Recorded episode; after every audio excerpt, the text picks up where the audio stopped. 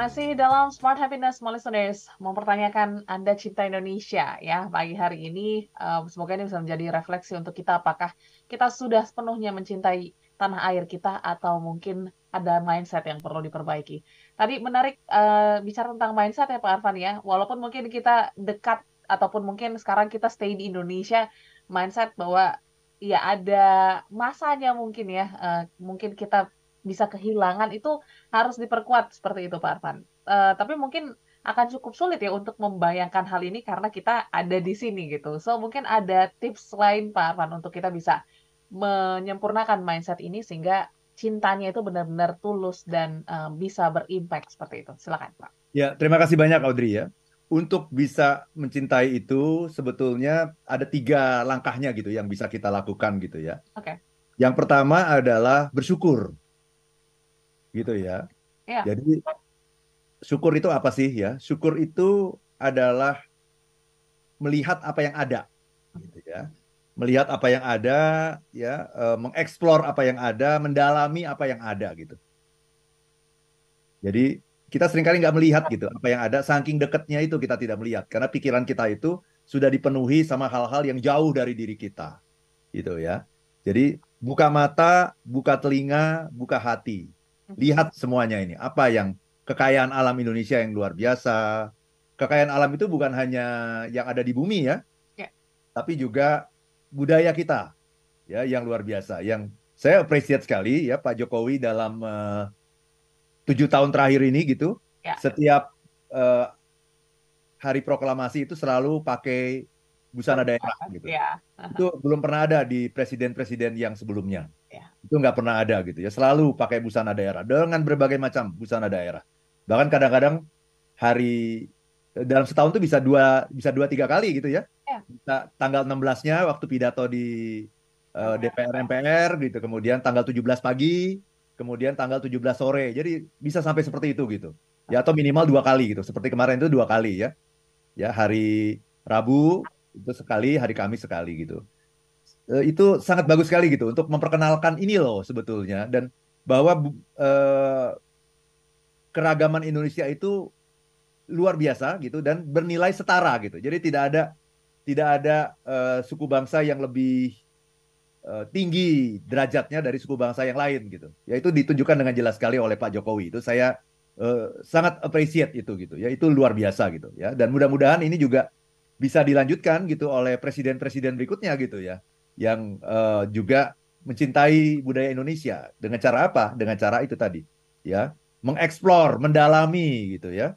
Jadi nomor satu itu harus bersyukur, Audrey. Oke. Okay. Ya, bersyukur. Bersyukur itu adalah melihat apa yang ada, mm-hmm. bukan apa yang nggak ada. Melihat apa yang dekat, okay. bukan apa yang jauh. Buka mata, buka telinga, buka hati, gitu. Karena mata kita itu sering kali tertutup, Audrey. Ya apalagi kalau kita sudah bicara politik gitu ya. Wah, itu nah. udah dong ya. Ya kelihatan itu yang jelek-jeleknya aja gitu ya kalau udah bicara politik. Gitu. Ya, akhirnya apa? Hanya melahirkan kritikan, komplain gitu-gitu ya. Jadi eh, saya tidak ingin gitu eh, kebahagiaan kita itu dirusak hanya oleh bicara pembicaraan-pembicaraan mengenai politik yang bersifat hanya jangka pendek gitu. Mhm. Ya, jadi buka mata, buka telinga, buka hati. Ya, itu cara yang pertama itu untuk bisa uh, mencintai Indonesia. Karena uh, kita tuh bersyukur itu juga kadang-kadang karena kita juga kurang bersyukur tuh karena tidak melihat perjuangannya loh, Audrey. Okay. Apalagi generasi muda sekarang ya. Yeah.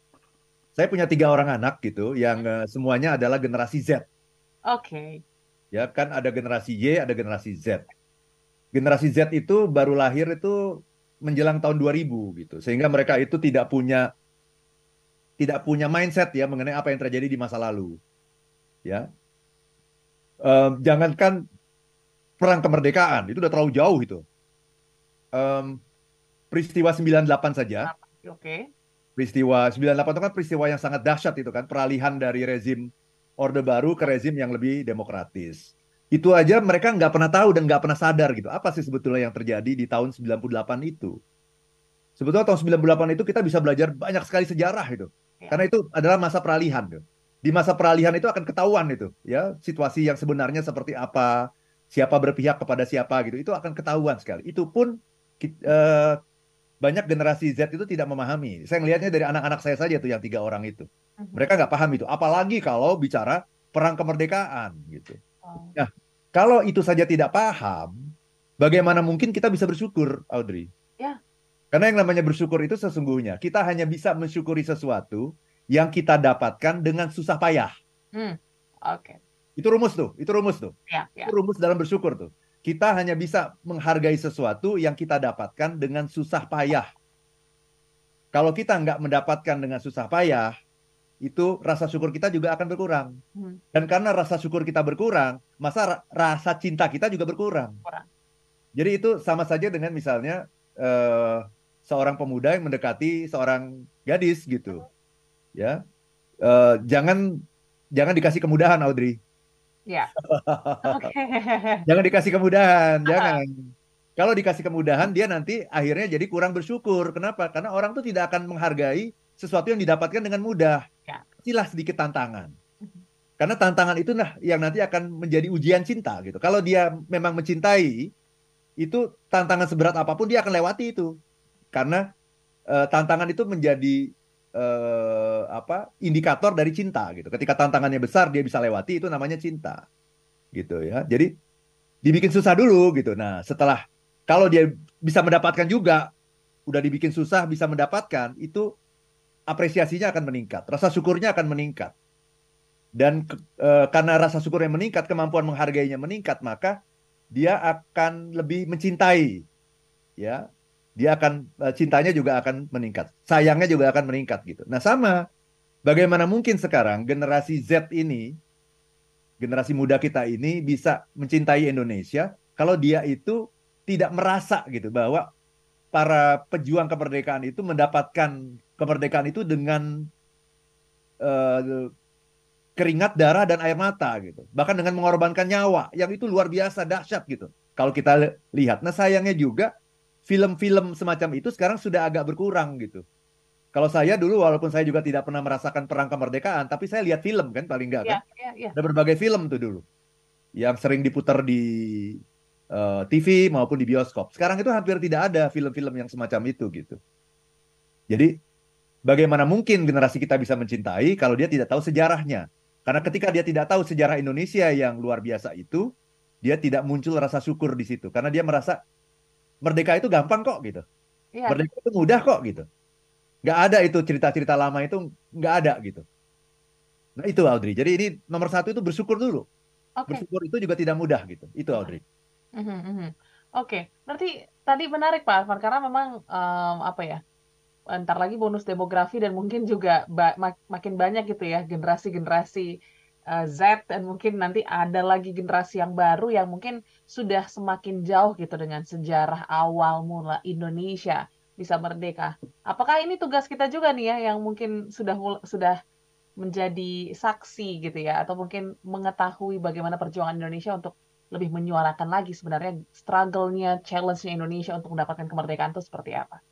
Iya, iya itu salah satu kontribusi yang bisa kita berikan gitu. Hmm, Oke. Okay. Sebagai generasi uh, kalau saya kan boleh dibilang saya kakaknya, ya. kakaknya milenial gitu ya, uh, orang tuanya generasi Z gitu, ya kira-kira begitu.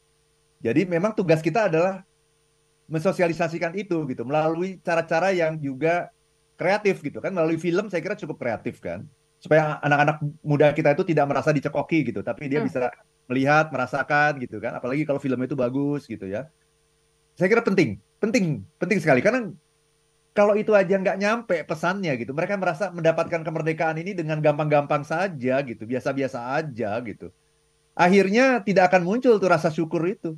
Betul. Dan kalau rasa syukur tidak muncul, maka cinta juga tidak akan muncul gitu.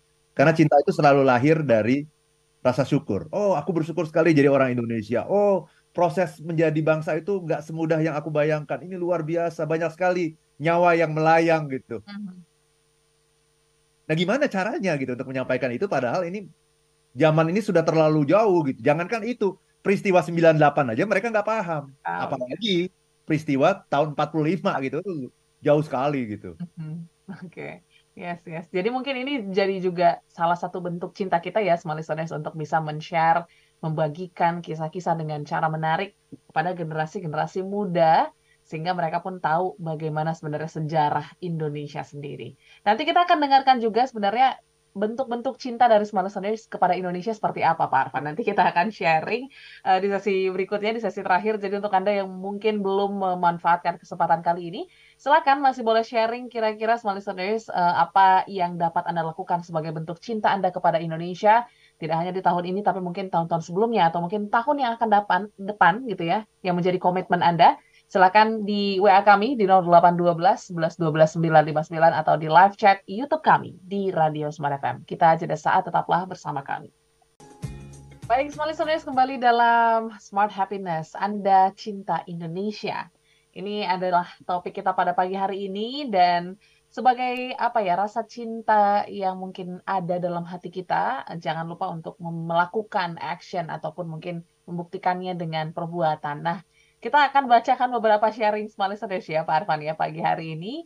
Uh, baik dari WA kita, dari Pak Alex Andaro. Selamat HUT Republik Indonesia yang ke-78. Saya juga tersentuh ya Pak Arfan mendengar lagu tadi, lagu Tanah Airku dari Gita Gutawa. Kalau saya cinta Indonesia itu melebihi apa pun karena di sinilah saya lahir dan dibesarkan dan dididik jadi manusia yang lebih baik. Bentuk cintanya um, bekerja keras memberi sesama yang membutuhkan menghargai sesama juga menjadi satu poin ya dari Pak Alex. Terima kasih Pak Alex. Selanjutnya kita ke uh, Ibu Denila.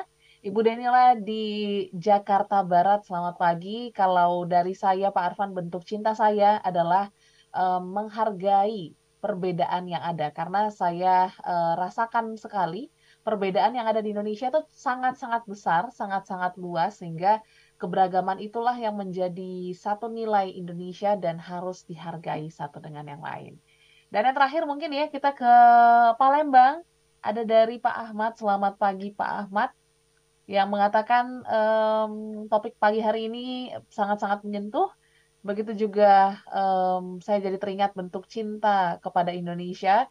Dulu saya mengira harus jadi atlet, harus jadi uh, pejabat ya untuk bisa memberikan uh, kontribusi saya kepada Indonesia. Tetapi dengan saat ini, kalau menurut saya menjaga lingkungan, Pak Arfan, menjadi satu kontribusi yang bisa saya lakukan, walaupun mungkin terlihat kecil, tapi semoga efeknya bisa berdampak besar untuk Indonesia. Silakan, boleh direspon dulu, Pak Arfan.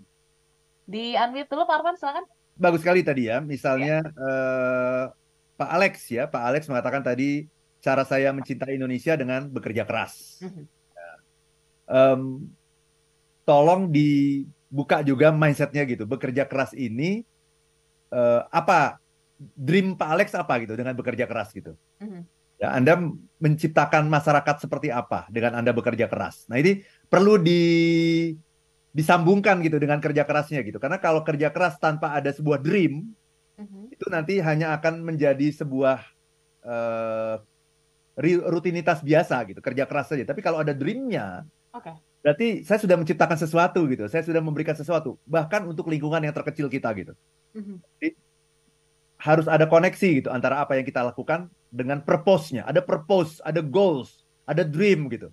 Ini Pak Alex sudah bagus, tinggal disambungin sedikit lagi dengan dream Anda. Apa goals-nya? Apa purpose-nya? Ibu Denila, Jakarta Barat, ya. Eh, bentuk cintanya adalah menghargai perbedaan yang ada. Betul sekali uh, kalau di dalam sebuah uh, taman, mm-hmm. taman bunga itu bunganya merah semua, itu membosankan gitu. Yes. Tapi kalau di taman itu ada bermacam ragam bunga, ada bunga mawar, melati, uh, anggrek, bunga tulip, flamboyan, mm-hmm. ya bunga macam-macam bunga. Itu tamannya menjadi taman yang indah dan itulah yang namanya Indonesia. Maka kalau saya, uh, Bu Denila dan teman-teman semua, bahasa saya itu bukan hanya menghargai loh, uh, Audrey, okay. tapi merayakan. Yeah. Jadi celebrating differences, mm-hmm. bukan appreciating differences, tapi celebrating. Okay. Gitu. Kalau kalau celebrating itu ada unsur uh, kebahagiaannya gitu. Kita merayakan yuk, yuk, yuk kita rayakan keberagaman kita. Yuk kita rayakan uh, apa namanya kemajemukan kita gitu. Yuk kita rayakan. Jadi gembira gitu. Happiness gitu. Kalau menghargai itu masih kurang happy itu. masih kurang, kurang happy. Kadang-kadang kita nggak suka sama orang gitu, Audrey. Okay. Saya nggak saya nggak nggak suka dengan pendapat itu, tapi saya menghargai. Yes. Saya tidak suka, tapi saya menghargai. Nah kalau celebrating itu suka, suka, hmm. gembira, dan ingin merayakannya bersama-sama. Ya, jadi itulah yang namanya celebrating differences. Karena keberagaman itu adalah produk Tuhan. Mm-hmm. Bukan produk manusia itu yang namanya keberagaman. Pak siapa tadi? Ahmad ya? Ahmad. Ahmad dari Palembang ya. Apakah harus jadi atlet, harus jadi pejabat? Enggak. Enggak juga ya. Semua orang jadi atlet ya repot juga nah, kan gitu. Yang support ya. support. Semua orang jadi pejabat repot juga gitu. Jadi Betul. lihat lingkungan terkecil kita. Mm-hmm. Pertanyaannya cuma satu, what can you do? Apa yang bisa Anda lakukan untuk lingkungan terkecil Anda yang membawa manfaat mm-hmm. bagi banyak orang? Apa? Kebersihan lingkungan, yes. Yeah. Kalau kita punya lingkungan yang bersih itu kan enak sekali gitu. Ras rasanya kan enak ya. Kerja juga tenang, bergaul juga enak, sosialisasi juga enak gitu. Jadi nggak usah jauh-jauh gitu. Karena kalau kita terlalu banyak mikirin yang jauh, kita lupa sama apa yang ada di dekat kita. Pikirin apa yang ada di dekat kita, buka mata, buka telinga, buka hati, do something. Mm-hmm. Do something. Yes. Itu ya. Yes, uh, bentuk cinta yang mungkin di share small listeners ini bisa menjadi referensi ya kalau misalnya Anda small listeners masih bingung gimana sih untuk mengungkapkan rasa cinta Anda kepada Indonesia. Tapi mungkin sebelum kita uh, apa ya bungkus juga nih Pak Arpan ya, mungkin um, ini menjadi apa ya tantangan ke depan ya karena kita tahu karena keberagaman Indonesia yang menjadi apa ya satu kelebihan ini juga yang mungkin menjadi satu tantangan untuk kita bisa mengungkapkan rasa cinta kita gitu ya. Bisa menjadi satu bisa menjadi rukun bisa menjadi um, ramah tadi gitu. So gimana kita bisa meng mencintai Indonesia dengan segala kelebihan dan juga mungkin kekurangan yang ada uh, sampai dengan detik ini? Silakan Pak Arfa. Ya, very good question ya Audrey ya. Jadi jadikan keberagaman itu sebagai sebuah aset.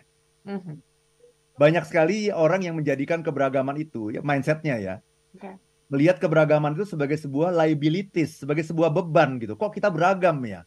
Pinginnya kan kita sama semua. Agamanya sama semua suku bangsanya sama semua bahasanya sama semua. Kalau begitu itu bukan mindset keberagaman gitu. Mindset keberagaman justru suka melihat ada orang yang berbeda. Karena ketika ada orang yang berbeda berarti kita tambah kaya. Gitu. Jadi mindsetnya ini jadikan keberagaman itu sebagai sebuah aset, bukan liabilities. Mhm. Nah, kalau kita bisa menjadikan keberagaman itu menjadi sebuah aset, maka dia menjadi kebanggaan gitu. Itu akan melahirkan rasa bangga. Dan kalau kita bicara cinta tadi, bagaimana cara kita mencintai Indonesia? Nomor satu, harus punya rasa syukur. Ya. Syukur dulu. Nomor dua apa? Bangga. Okay. Kalau nggak bangga, repot gitu. Kita bangga. Bangga itu menunjukkan bahwa Anda punya harga diri, punya kepercayaan diri yang tinggi dan itu adalah modal kita untuk berinteraksi nanti dengan bangsa-bangsa lain. Kita harus berdiri sama tinggi. Kita adalah sederajat dengan bangsa-bangsa lain gitu. Nah, itulah yang namanya bangga. Dan keberagaman ini kita jadikan sebuah alat untuk membuat kita tambah bangga gitu. Dibandingkan dengan bangsa lain yang keberagamannya tidak seperti Indonesia. Gitu, Audrey. Jadi nomor satu bersyukur, nomor dua bangga karena keberagaman, mhm. dan nomor tiga ini yang sangat penting, berkontribusi. Okay. Jadi orang yang mencintai, orang yang berkontribusi, orang yang mau berkorban gitu, Audrey. Mm -hmm. Oke, okay. jadi uh, pastinya uh, semoga perbincangan kita pada pagi hari ini menjadi refleksi ya untuk kita semua bisa lebih menghargai, mencintai dan juga mungkin menyatakan ya bentuk cinta kita kepada Indonesia. Mungkin terakhir boleh diingatkan lagi untuk anger management Pak Arfan. Um, ini menjadi catatan juga untuk warga Indonesia supaya makin ramah gitu ya, bukan marah. Iya, iya, iya. Bangsa Indonesia adalah bangsa yang ramah gitu, ya. bukan bangsa yang marah. Tetapi jangan lupa marah itu sendiri sesungguhnya adalah sebuah emosi positif. Hmm. Bukan emosi negatif. Marah itu ciptaan Tuhan gitu. Tuhan memberikan kita rasa marah supaya kita bisa mempertahankan nilai-nilai. Yes ya uh, jadi marah itu bagus gitu ya yang nggak boleh itu marah-marah nah, supaya kita bisa tetap marah tapi tidak marah-marah uh-huh. anger management ya kalau anda daftar hari ini 700 ribu saja ya silakan uh, segera hubungi ILM di 0812 123 45 949 0812 123 45 949. Yes. Langsung daftar sekarang juga listener supaya kita bisa menjadi bangsa yang ramah, bukan marah-marah gitu ya. Oke, yang pasti uh, small listeners terima kasih untuk Anda yang sudah berpartisipasi, sudah mendengarkan pagi hari ini. Sapaan dari Pak Kukuh, selamat pagi. Juga semangat untuk Anda yang akan melanjutkan aktivitas hari ini di hari kejepit ya. Semoga tetap semangat um, untuk melakukan aktivitas di hari ini. Yang pasti kami mengucapkan selamat Hari Kemerdekaan Republik Indonesia. Semoga tahun ke-78 ini kita maknai sebagai um, usia yang matang ya. Kita juga punya kedewasaan diri untuk bisa terus um, mengungkapkan rasa cinta kita kepada Indonesia. Pak Arman, terima kasih untuk insight. Sama-sama. Tetap merdeka ya. Tetap merdeka. Dan pasti solis kami harus pamit. Kita ketemu minggu depan. Saya Audrey Joana. Dan saya Arvan Pradiansyah. If you be happy, be happy, be happy, be happy now. now. Sampai jumpa.